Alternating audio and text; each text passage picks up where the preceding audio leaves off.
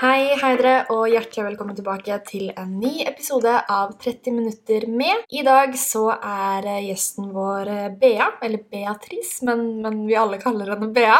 Siden første gang jeg møtte Bea og, og begynte å bli kjent med Bea, så har jeg vært fascinert over hvor åpen og, og sikker hun er på sine egne meninger, samtidig som hun har en enorm forståelse for andre og andres situasjon. I dagens episode så går Bea og jeg inn på litt eh, sterke temaer. Både hennes erfaringer med psykisk vold i, i, forhold, i tillegg til at hun forteller hva hun ser på som sin rolle i, i kroppspressdebatten. Og hvilke råd ville hun gitt til seg selv som 15-åring? Jeg har gledet meg veldig til at dere skal få bli bedre kjent med Bea, som jeg syns er en helt fantastisk person, en helt rå dame.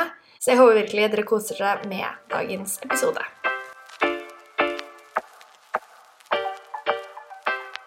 Så da er jeg her med Bea. Herregud. Ja, herregud. Hei, velkommen. Takk. Veldig koselig at du ville være med i dag. Veldig koselig at jeg fikk være med. Har du lyst til å presentere deg selv? Fortelle oss hvem du er. Ja, jeg er Bea. Jeg er 23 eh, år og bor i Oslo. jeg vet ikke hva, sier man, liksom? Nei, det er det alle sliter med, da. Det er sånn Jeg driver med YouTube, jeg jobber som butikksjef. Det er meg. Arbeidsnarkoman. ja, virkelig. Hvor er det du jobber? Har du lyst til å snakke litt om det? Jeg jobber i Garderobemannen, så det er veldig um, annerledes fra hva på en måte YouTube er. Og jeg er veldig kjent for si, jentete greier. Mm uh, mens jobben min er ganske mannsdominert. Okay, ja. Så det er veldig stor kontrast, men samtidig en kontrast som måte, gir en ganske fin balanse til ting. Ja, ikke sant? Jeg trives veldig godt. Så bra. Veldig, Har du hatt mange ulike jobber? Opp gjennom, eller? Ikke så mange ulike jobber. Um, jeg starta min første jobb faktisk som kirketjener. Det var egentlig en ganske grei sånn første jobb. Så begynte jeg å jobbe i byggevare. Og jobba i byggevare først to år, tror jeg, i Fredrikstad. Før jeg flyttet til Oslo og jobba to år til. Så har jeg også jobbet på Mac, som det er ja. sminke. Så det er jo ganske annerledes igjen. Var det da du liksom kom inn i eh, Det var da jeg falt litt ut. Jeg eh, var veldig veldig interessert i sminke, og så begynte jeg å jobbe der og trivdes kjempegodt. Men så det ble litt mye det var sminke, for da drev jeg med beauty på, en måte på ja. en side, og så Instagrammen min. Det ble veldig mye sminke overalt. Så, så du har egentlig trivdes mest med å ha liksom sminke som, som, hobby, da? Mm, absolutt. Jeg har jo testa ut veldig mye når det kommer til sminke. Jeg har testa ut mye forskjellige looks og postet det på Instagram og sånne ting, som jeg gjorde en lang periode. Til å på en måte være mer nå hvor jeg setter mer pris på å teste ut hva som fungerer best for å på en måte fremheve ting jeg allerede liker, da. Sånn foundation, jeg elsker å teste foundation. Også. jeg liker å finne ut hva som som passer best, og lære mer om huden min og finne ut hva som fungerer best for meg og min hud. Og ikke for å liksom full face, dekke overalt og altså nei, nei. fremheve de tingene jeg allerede syns er pent med meg. da. Altså Det er noe jeg på en måte har veldig lyst til å ta med meg videre til andre også, som ja. gjør at jeg fortsatt liker å drive med sminke. Sånn på Beauty Cult, da, eksempel. Og det er jo det som er greia med med, med, kunst, som jo mm. makeup og mote går jo innunder det. Mm. Det er jo å få frem følelser, om det er i seg selv eller hos andre som, som jo ser det du lager. Mm. En del av prosessen når vi holder på med det vi gjør, er jo hva vi sitter og føler og hva vi sitter og syns, men når vi skal legge det ut også, så blir det jo tatt imot av andre òg, da. Og det man vil, er jo at det skal ende opp med å gi positive følelser. Altså En ting er at jeg gjør ting som jeg syns er gøy, og trives med det, men jeg vil også kunne bruke den stemmen som jeg har, da, til noe. Jeg har faktisk folk som på en måte følger med på meg, som er interessert i det jeg gjør. Og selvfølgelig kan jeg bare poste ting som er morsomt for dem å se på, men jeg vil også på en måte kunne hjelpe til, da. Mm. Gi dem noe. Ja. Apropos det, så har du jo spesielt én hjertesak. Vil du fortelle oss mer om den, og hvordan du fronter den på plattformene dine? Ja, jeg eh, poster veldig mye i forhold til kropp, og mm. har veldig stort fokus på kropp. Og det er jo egentlig ikke fordi at jeg syns at det skal være et fokus på kropp, men mer fordi at jeg jeg føler at eh, det fokuset som er på kropp i dag, da, det er så feil. Og det er så mye oppmerksomhet rundt det, og så mye stigma rundt det. og det er så mye... Altså Alt skal handle om enten å være en god eller dårlig innflytelse, og alle bilder du poster av kroppen din, skal på en måte Det er vanskelig å sette ord på, da, men det er litt sånn Når du poster et bilde, så poster du jo et bilde av deg. Ikke av kroppen din. Og jeg føler at det er for lett å på en måte Disse Insta-babesa da, føler jeg blir kanskje litt fordømt for å poste liksom bilder i bikini, f.eks. Altså de er på ferie, og de har lyst til å poste bilder av at de er på ferie. De har kanskje lyst til å poste bilder av bikinien sin fordi de syns at de selv ser bra ut i den. og automatisk da, fordi at de på en måte er tynne og pene, så er de et dårlig forbilde. Ja. Mens hvis jeg, derimot, som er en pluss size-jente, eh, poster et bilde som ser helt likt ut, så får jeg en klapp på skulderen, og jeg er så modig, og det er så tøft at jeg tør å poste sånne bilder. Jeg skjønner jo at jeg ikke skaper et kroppspress på samme måten, for det er, det er Ja, ingen som vil se sånn ut. Det er jo det som blir fornærmende ved å gi 'Å, så Mm. tøff du er', liksom. For det er sånn, hvis, hvis du bare er jævla comfy, du følte deg jævlig flott og jævla bra, og så skal du liksom Ja, så tøff du var for Mm. Å ja, ok, takk for den. Ikke sant? Det er sånn, og derfor har jeg på en måte nesten sluttet å poste slike bilder, da, fordi jeg får ikke noen godfølelse av det. Altså Jeg kan føle meg dritbra der og da, og så poster jeg bildet, og så er det sånn 'Å, du er så sykt modig, du er så tøff'. Og så er det sånn, hvorfor er det tøft? Ja, altså, hvis det Og de mener jo bare godt. Ja, ja, ja, jeg skjønner er absolutt tanken. For det jeg tror man jo tenker er det tøffe i det, er jo den selvtilliten. Men den Mm. selvtilliten den er like tøff for en som ser annerledes ut. Mm. Det er så vanskelig å Ole, liksom, ikke tråkke på tær og sånn. Ja, og det er det jeg sånn også her. Det er- føler at uh, kanskje blir det vanskeligste, da, og ikke liksom Sånn som nå sitter folk og hører på som har alle kropper. Alle mulige størrelser, kropper, alt sammen, ikke sant. Det jeg ønsker å fremme på sosiale medier ved å poste de bildene jeg poster, og ved å på en måte snakke om ting på den måten jeg gjør, er jo rett og slett bare at jeg vil at alle skal føle seg komfortable i sin kropp. Ja, Og du snakker jo ikke til et publikum som kun ser ut som deg. Nei, det, jo. Mm. det skal jo treffe alle. Um, så det er, den, det er jo den selvtilliten Jeg har så lyst til å på en måte heller kunne vise folk at alt kommer innenfra, på en måte. Altså det, nå snakker jeg ikke nødvendigvis bare sånn personligheten din gjør deg pen, men utstrålingen din, da, altså hvordan du føler deg selv, lyser så mye gjennom.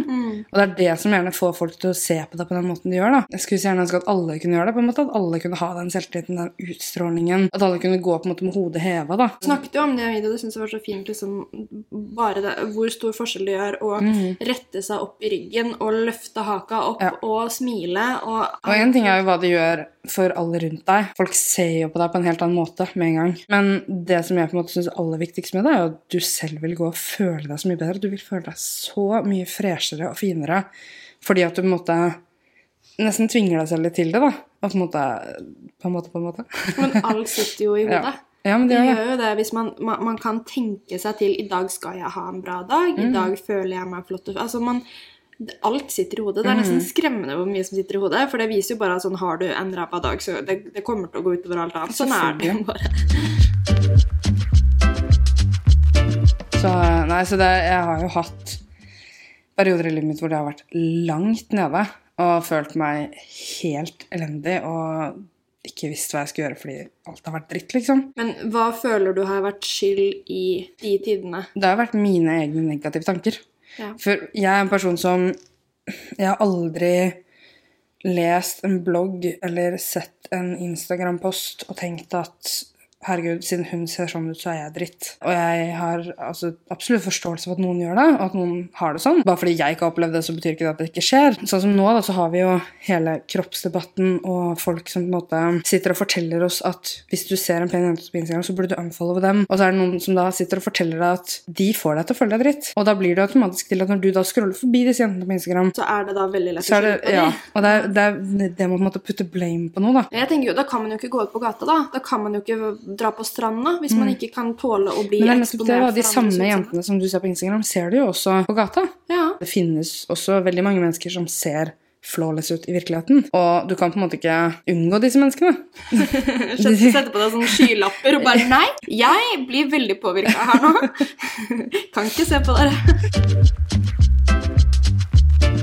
Tenker også Det er viktig å ikke dra alle under en kam der. Det føler jeg jo at det blir gjort veldig mye. liksom Influensere, bloggere, som at alle oppfører seg likt. Mm. Og så tenker man jo gjerne på liksom skrekkeksemplene, hvis man kan, kan si det. Og så blir resten av oss litt sånn Ok, skal jeg bli dratt under den kammen fordi jeg er i samme bransje? Jeg gjør ting helt annerledes. Og jeg vil jo si at det fins utrolig mange som kan være veldig veldig gode forbilder på sosiale medier. Og jeg mener at sosiale medier er en så flott greie, nettopp fordi det jo reflekterer den virkelige verden i at det er så masse forskjellige mennesker. Folk med så forskjellig utseende, så forskjellig personlighet. Du kan jo finne akkurat hva du foretrekker å se på, hva du ønsker å bli inspirert av. Så det er jo ikke sånn man skal sitte og tvinge seg selv til å liksom fortsette å følge folk som gir deg dårlige følelser, når det er så mange som kan gi deg gode følelser. Men hvis det er på en måte sånn samme grad da, typ si at det er bikinibilder igjen og igjen og igjen, så kanskje gå litt inn i seg selv og ta litt tak i hva som da egentlig er problemet. Ja. Er det én ting som har kommet opp i denne kompleksdebatten Herregud, Norge er så sensitivt. Gud a meg, jeg har debatter om alt. Jo.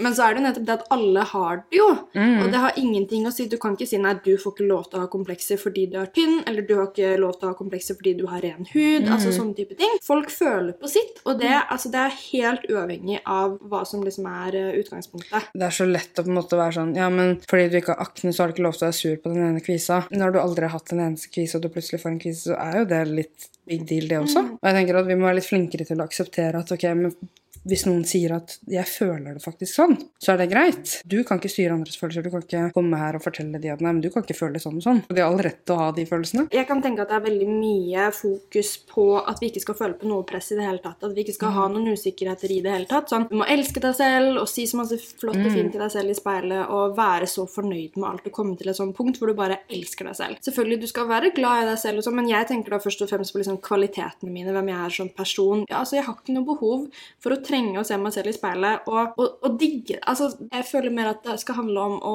å, å godta det. Akseptere. Hva tenker du om det? Jeg personlig føler at akkurat den metoden der var det som gjør at jeg slutta å se ned på kroppen min. Ja. Fordi at jeg var sånn Jeg bare tvang meg selv til liksom, Ok, nå skal du bare elske det du ser. Ok. Ok, nå fra i dag så har vi ikke komplekser. Nå er vi bare en, Alt er fint. Okay. Um, og så har jeg jo selvfølgelig med tiden skjønt at sånn er det jo ikke. Nei, ikke sant? Det er litt det jeg mener. sånn at du, du, du kan fortsatt ha det bra med deg selv og ha et godt selvbilde og tenke fint om kroppen din. Det er fortsatt lov til å ha komplekser. Du kan fortsatt ha en dårlig dag. Selvfølgelig. Og jeg er sånn, altså Det er haugevis av ting på kroppen min som jeg har lyst til å endre på. altså Jeg skulle gjerne ha fiksa på både det ene og det andre, men man trenger ikke det. Og så lenge kroppen din fungerer, så lenge kroppen din gjør det den skal, får deg fra A til B hver eneste dag. Og det kan være forskjellig fra person til person. Så lenge kroppen din får deg fra A til B, og så lenge du får ting gjort, så burde jo det være det som betyr noe. Mm, for det er ikke en selvfølge. Det er en superluksus. da. Mm, absolutt. Så gud, så luksusproblemer det er alt vi snakker om for tiden. Eh, Ikke sant? Men det er sånn, altså, hva har det å si om du har eh, Hva heter det? Sånn derre hip-dip, eller noe sånt? jeg visste ikke hva det var engang jeg før i fjor, hvor plutselig noen påpekte det. Bare, å ja, ok, ja, da har jeg visst det. Og, Ja, nei, jeg, Tror du mye av det kommer fra at man jo nå vet at det er så lett å fikse på ting? Fikse, Jeg må si liksom fikse i en gåsetegn, for ingenting er ødelagt. jeg vet ikke, fordi jeg føler på en måte at det var mye av det samme når jeg vokste opp. Mine første problemer kom jo på barneskolen. Jeg leste ingen blogger da. Jeg kan ikke huske at det egentlig var Jeg tror Voe begynte å vlogge når jeg gikk i syvende klasse. Ja. Før det så eksisterte jo ikke blogg, YouTube, influensere. var jo ikke- Hva var det, liksom? Altså det, jeg kan aldri huske å ha sittet og tenkt at en jente i toppbladet fikk meg til å føle meg stygg. Man sammenlignet seg vel mest med liksom jentene i klassen. Mm. Og på en måte i gymgarderoben og liksom sånne type ting. Jeg husker at jeg hadde komplekser, da, hvis man kan si det for. Og typ høyden min, for Mm. eksempel. For da var det 'Å, jeg er høyest i klassen'. Jeg er høyere enn alle de andre jentene. Det var en sånn sammenlignbar greie, Ja. ikke sant. Men nå føler jeg at vi har veldig lett for å sammenligne oss med et ideal. Jeg føler at alle ting som nevnes at liksom skal endres på, er jo for å komme nærmere og nærmere det idealet, da. Mm. Typ at idealet er en helt rett nese, da. Så hvis du har en, en bulk på nesa, så er det bulken som må vekk for å komme da nærmere det idealet. Du gjør, ikke, Ja. du gjør, du gjør i hvert fall ikke noen endringer som får deg lenger unna idealet. Vi har jo på en måte typ Kim Kardashian da, som kommer ut og forteller oss at sånn her skal man se ut. Men samtidig så føler jeg at det er jo ikke alle som syns at Kim Kardashian ser perfekt ut. Eh, og alle har jo ulikt ideal. Men om du drar til en kirurg, så vil han vise deg det samme idealet på hvordan, eh, hvordan lepp, de perfekte leppene, Ja. den perfekte nesa, liksom. Så det er jo synd at det på en måte er sånn. Jeg er, liksom, jeg er ikke imot operasjoner. Jeg er ikke imot måte, at man fikser på i gåsetegn. Eh, jeg er helt enig i at det er ingenting som er ødelagt. Samtidig så skal du ikke ha det vondt med deg selv. på en måte. Altså, så, det er så vanskelig, da, for det er ikke sånn at jeg, jeg sier ikke at liksom, ja, hvis du har det vondt, så må du operere deg. Nei, men det er vel Eh, mer, men det er vel sånn mer det å ta tak i det. og på en måte, ok, Veldig mange ting kan du løse ved å endre syn på ting. Jeg tenker at det skal gå veldig langt før du velger å legge deg under kniven for noe. Så lenge det er en på en måte privat sak, det er noe du gjør for deg, så skal ikke jeg dømme det. Jeg skal ikke komme og fortelle at det er feil. Kanskje det er noe som ikke blir sagt nok oppe i kroppsdebatten, for jeg føler at det har blitt så veldig sånn ja, hvis du opererer deg, så det er galt av deg. Ja. Det er feil. Og jeg tenker at alle de som da sitter og kanskje har operert seg, at de kan sitte og føle på det og føle at ok, nå er det plutselig et problem. Skulle jeg ikke ha gjort det likevel, men jeg trengte å gjøre det. Ja, for det kan føles litt som lag, liksom. Mm. De, de, de fake opererte opererte, og de som er så naturlige på andre siden, liksom. Det er det jeg syns er så frustrerende, for det er så enten-eller. Det er alltid, må alltid være enten-eller. Og så er jeg sånn, men vet du hva, jeg står på midten, jeg. Altså, jeg er helt enig i at det ikke burde være lov til å reklamere for kosmetiske inngrep og Absolutt. operasjoner og sånne ting. Og... Så det er det vel ikke nå heller? i Nei, det er det ikke nå. Jeg er 100 enig i det. Jeg syns ikke det er greit i det hele tatt. Jeg syns ikke det er greit at noen skal gå ut og fortelle du trenger å ha silikon for å være pen, for å være feminin nok. Kjempemange som har små pupper, og som er dødsfine. Jeg skulle gjerne vært flott. Ja. Altså, Av og til så elsker jeg puppene mine, andre ganger så hater jeg dem, og noen ganger så vil jeg fikse på de, andre ganger så skulle jeg ønske at de ikke var der i det hele tatt. Altså. Men er ikke det helt normalt? jo, er ikke det greit? jo. Fordi jeg sitter aldri og tenker sånn Er det en dag hvor jeg ser stygt på puppene mine, liksom, så går jeg liksom ikke rett i kjelleren og tenker Å nei, herregud, jeg burde elske det hele tiden. Jeg er så flott som jeg er. Dette er greit, liksom. Ja, men du har lov til å ha en dårlig dag. Ja. Alle har lov til å liksom føle seg skitt en dag, og da gjør du det, da. Og så går vi videre. Ja. Hva ville du sagt til 15 år gamle Bea hvis hun satt foran deg nå? Oi. Den er vanskelig. Jeg tror jeg ville bedt meg selv ta det litt mer med ro. Hvem var 15 år gamle Bea? Hun var gæren. Hun var clean spennende gæren. Calm the fuck down! Men jeg var overalt hele tiden. Jeg tror jeg aldri har kjent så mange mennesker i hele mitt liv som det jeg gjorde når jeg var 15 år. Og jeg kjente jo ingen av dem. Jeg hadde 2000 venner på Facebook og bare la til alt og alle. Jeg husker jeg inviterte folk til bursdag, jeg, altså jeg var 15 år gammel og inviterte 70 stykker i bursdagen min. Det er jo helt vilt. Jeg skulle leve så mye som mulig, så fort som mulig, og jeg hadde så mange drømmer og så mange altså, tanker, og alt skulle skje.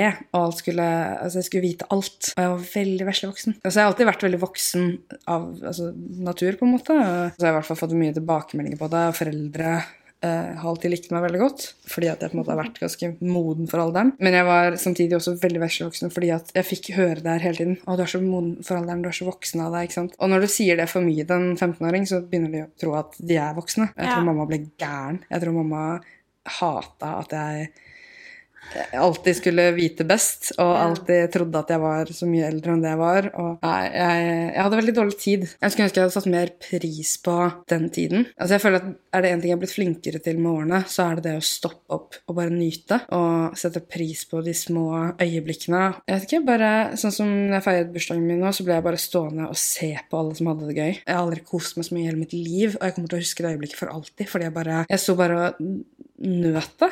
Og det var ikke 2000 Facebook-venner. Nei. Det var bare ekte, ordentlig fantastiske venner. Litt mer verdi. Virkelig. Jeg skulle ønske at jeg hadde vært like flink til det da jeg var 15, for jeg husker veldig lite av spesifikke hendelser fra den tiden. Og jeg tror det er fordi at jeg, jeg hadde så dårlig tid. Og alt skulle skje hele tiden, og det skulle være så mye energi, og det skulle være så mye liksom Ja, det skulle skje så mye. Og nå husker jeg ingenting, fordi at jeg har ikke satte pris på øyeblikkene mer, da. Så det tror jeg eh, Gi det tid. Ta det med ro. Bare nyt. Du lever jo for tiden singellivet, men du har vært i flere forhold. Hvordan har erfaringene fra disse påvirket hva du ser etter nå? Veldig mye. jeg har vært i jeg føler to på en måte seriøse forhold. Eh, Jeg vil ikke egentlig si at noen av de var veldig sunne. Det ene ser jeg jo tilbake på og har veldig mange fine minner fra. Men jeg, jeg, jeg ville ikke vært foruten, men jeg føler at det er mye der jeg ikke burde ha opplevd også, på en måte. Det første forholdet, som var på en måte mer seriøst, var ikke bra i det hele tatt. Jeg fant til og med igjen eh, en samtale. Jeg hadde screenshot noe han hadde eller tatt bilde av. Gjorde vi på den tiden. Screenshot hadde ikke. Jeg hadde tatt bilde av noe han eh, hadde skrevet, og så hadde jeg sendt det til en venninne, og så hadde jeg sagt 'herregud, så motbydelig han er, ser så ekkel', bla, bla. Og jeg bare Jeg syntes han var forferdelig. Når dere var sammen? Nei, dette var før vi var sammen. Så gikk det kanskje en uke, og så var jeg hodestups forelsket. Ja, Trodde jeg. ikke sant. og jeg vet ikke hva det var som skjedde, jeg vet ikke hva som gjorde at det snudde så plutselig, men jeg bare Plutselig var alt han sa, det var, det var Sånn var det. Det var Jeg vet ikke. Han eh, Man skal ikke si psykopat. det var veldig sånn Altså, han, han eh, Det første han gjorde når han kom på besøk til meg, for han bodde i Danmark han var dansk, og han kom og besøkte meg, og det første han ville, var å møte alle vennene mine. Så mange av de som mulig. Og jeg husker når vi kom tilbake etter å ha møtt alle vennene mine, så likte han ikke noen av de. Nei. Ikke en eneste. Han hadde bare vonde ting å si om alle sammen. Og han sa det ikke sånn øh, 'Å, herregud, alle vennene dine er dritt', men han sa det på måter som altså, 'Ja, han hadde merket at hun gjorde sånn og sånn'. Eller, Skulle få deg mot dem, liksom. mm, jeg merka veldig at han på en måte planta tanker i hodet mitt som var sånn Ja, herregud, la du merke til at de gjorde sånn? Og så ble jeg liksom Å ja, kan, ja, kanskje du har rett. Altså, jeg har ikke tenkt over det før. Og han bare Nei, det er jo sånn jeg ser det jo fra utsiden. ikke sant? Kunne han liksom finne på å si ting til meg som Altså, jeg, jeg ble så usikker på meg selv. Jeg har aldri vært så usikker på meg selv i hele mitt liv. ene øyeblikket så kunne han si ja, men du burde ikke spise middag i dag. Du har spist nok. Herregud. Og så dagen etter så kunne det være sånn Du spiser jo aldri. Du må jo spise mer. Altså, jeg var 16 år, og jeg var så forvirra, for jeg var sånn Men hva mener han egentlig? Har jeg spist, spiser jeg for mye? Spiser jeg for lite? Altså, hva Burde jeg spise mer? Burde jeg ikke spise? Hva skal jeg Altså Begynner å sette spørsmålstegn ved, ved ved alt. alt. I tillegg så var det jo et avstandsforhold, og vi var på Skype seriøst 24 timer i døgnet gjennom nesten hele forholdet. Han skulle, altså Jeg var på skolen, og vi var på Skype. Jeg lå og sov, og vi var på Skype. Fordi han skulle ha kontroll. ikke sant? Han skulle hele tiden vite hvor jeg var, hva jeg gjorde, hva jeg fikk i meg, hvem jeg så, hvem jeg snakket med. Jeg så jo ikke på det som noe rart. Selvfølgelig skulle det være sånn. Altså, det var jo mitt første på en måte ordentlige forhold. Det er jo ekstra farlig. Fordi man kjenner jo ikke til noe annet. Man vet jo ikke at et forhold skal være på noen annen måte. Og jeg hadde på en måte, Det var ingen av vennene mine som egentlig hadde kjærester heller på den tiden. Jeg hadde på en måte ikke noe sunne forhold å se til heller, da. Men hva var det som gjorde at du Han øh, var utro, og første gangen så tilga jeg det. Og jeg endte på sin skyld. Fordi det var min feil selvfølgelig at han hadde jo valgt så godt noen andre da, for at jeg ikke var bra nok. Og så gikk det kanskje ja, to uker, og så skjedde det igjen. Og så er jeg sånn Jeg sa du fikk én sjanse. ah, og det er det, du, det er det du får. Jeg gidder ikke sitte her og på en måte la dette skje om igjen og om igjen. om igjen. Kanskje, altså Hadde det gått to år, kanskje jeg hadde tilgitt han igjen. Det vet jeg Men ikke. to men... uker, den var litt uh, ja. Men det var litt sånn, det var så kort tid imellom at jeg på en måte skjønte det. Og så fikk jeg jo vite i ettertid at han hadde hatt en bok hvor han hadde skrevet ned fremgangsmåter til å eh, ligge med jenter. og Ålreit type, det. Mm. Ja. Jeg tror det gjorde på en måte at det var veldig lett å havne i, for det gikk jo ikke mer enn fire måneder fra det forholdet til det var et nytt forhold. Ok. Når jeg da havna i det forholdet, så var det så mye bedre. Ja, men sammenlignet med det, så ville Ja. jo alt vært bedre. Ikke sant? Det var veldig lett å bare havne tilbake i det samme. da. Og han her var så mye snillere, og han sa aldri noe stygt om meg. Og han fortalte meg hele tiden hvor fin jeg var. og Jeg ser tilbake på det forholdet, og det er veldig mye der som er helt fantastisk. Og han er et bra menneske. Jeg tror genuint at han er et bra menneske. Jeg endte opp med å ofre meg selv gang på gang på gang, på gang, og jeg satte alltid meg selv under han. Og ofra alltid det jeg ville, det jeg følte. Og det var så mange små ting som du ikke legger merke til i hverdagen, men som så fort du får det på avstand, så ser du hvor utrolig usunt det er. Vi var sammen i fire år, og jeg satt igjen med bare noen få venner. Ofret alt, du. Ja, men jeg bare Jeg trengte jo ikke de vennene jeg hadde han. Altså, jeg føler på en måte at de forholdene jeg har hatt, har påvirka mitt syn på kjærlighet generelt. Jeg har veldig vanskelig for å på en måte finne noen som er bra nok nå. fordi at nå ser jeg på en måte at jeg leter et feil. Altså, fordi jeg, jeg er så redd for å havne tilbake i de samme, samme vanene. da. Jeg er så redd for at jeg på nytt skal på en måte Fordi du merker det ikke når du står oppi det. Du merker det ikke i det Det hele er det som er tatt. farlig. Men igjen, så, sånn, alle har jo feil, ikke sant? Så det er jo på en måte dumt å ikke la noe, altså, gi noen en sjanse. Jeg er så redd for at det skal være et nytt faresignal på en måte Ja, som jeg ikke har sett før. Jeg skjønner jo kjempegodt at hvis du på en måte ser likheter til hva du har Mm. opplevd tidligere, så er jo det bare no go med en gang. Absolutt. Jeg føler på en måte at jeg har lært veldig mye av det også. Jeg har vært heldig på mange måter fordi at veldig mange blir utsatt for fysisk vold, og veldig mange er redde for å komme seg ut av det. De ser hva de er oppi, men de klarer ikke å komme seg vekk. De er redde for hva som kan skje. da. Og sånn sett så har jeg vært veldig heldig fordi at jeg har kommet meg ut av begge forholdene mine på en veldig sunn måte, egentlig. Og jeg har klart å komme meg videre uten på en måte veldig kraftige varige men. da. Mer erfaringer. Ja, Mm. og selv om det er utrolig vondt å se tilbake på, på, en måte, på hva jeg lot meg selv gå gjennom, så føler jeg på en måte at jeg har klart å lære av det. Og jeg føler meg veldig heldig som har klart å lære av det. Jeg ser på en måte, altså jeg har jo sett andre gå gjennom det samme, og ikke selv skjønne at de faktisk blir utsatt for psykisk vold. Og på mange måter kan det være like vondt, selv om det ikke på en måte syns fra utsiden, selv om ingen andre kan se det, selv om ingen andre vet at det skjer, eller selv om du ikke vet at det skjer. Det kan jo være at, altså Sånn som i mitt tilfelle, så det var jo ingen Mamma likte jo ikke kjærestene mine veldig godt. Uh, vennene mine likte de egentlig ikke så veldig godt. De fikk aldri på en måte bli kjent med de, og jeg fant hele tiden på unnskyldninger og ja, sa at nei, men det Altså, det gjorde livet vanskeligere. Ja, og det gjør det. Og det er så det skal jo være det helt motsatte. Et forhold skal, Absolutt. skal berike livet. Det skal gi deg mer glade liksom, opplevelser og følelser og Mm. gjøre hverdagen bedre. Det som er så vondt hvis jeg ser nå andre være i samme situasjon Jeg prøver selvfølgelig å si ifra, men du kommer på en måte ikke gjennom, og jeg vet hvordan det er, fordi jeg vil ikke høre. Så selvfølgelig vil jo ikke de høre heller, på en måte, fordi det er jo litt sånn det er. Du finner på unnskyldninger for dem istedenfor. Ville du rådet folk til å tørre å høre litt mer på de rundt seg, hvis andre har noe å si om forholdet ditt? Jeg tenker, altså Hvis du har Har du én venn, da Altså Hvis alle vennene dine elsker kjæresten din, men du har én venn som er sånn «Eh, Hun eller han er dritt, liksom. Ja, nei, men Men hvis på en måte alle rundt deg på en pen måte forteller at er du sikker på at det her er lurt, er du sikker på at det her er det beste for deg, så burde man på en måte prøve i hvert fall da, å se ting fra deres perspektiv. Prøve å høre på det de sier. Altså, og jeg tenker litt det at om Sivert hadde vært dritgrei mot meg Vi hadde det kjempebra hjemme, liksom, men det funka ikke i noen andre settinger. Typ med familie og venner, da. Det er jo et tegn i seg selv, det. Det er jo det. Fordi altså, det viktigste for meg i et sunt forhold er at man er et team. Mm. Man skal gjøre hverandre sterkere, tryggere.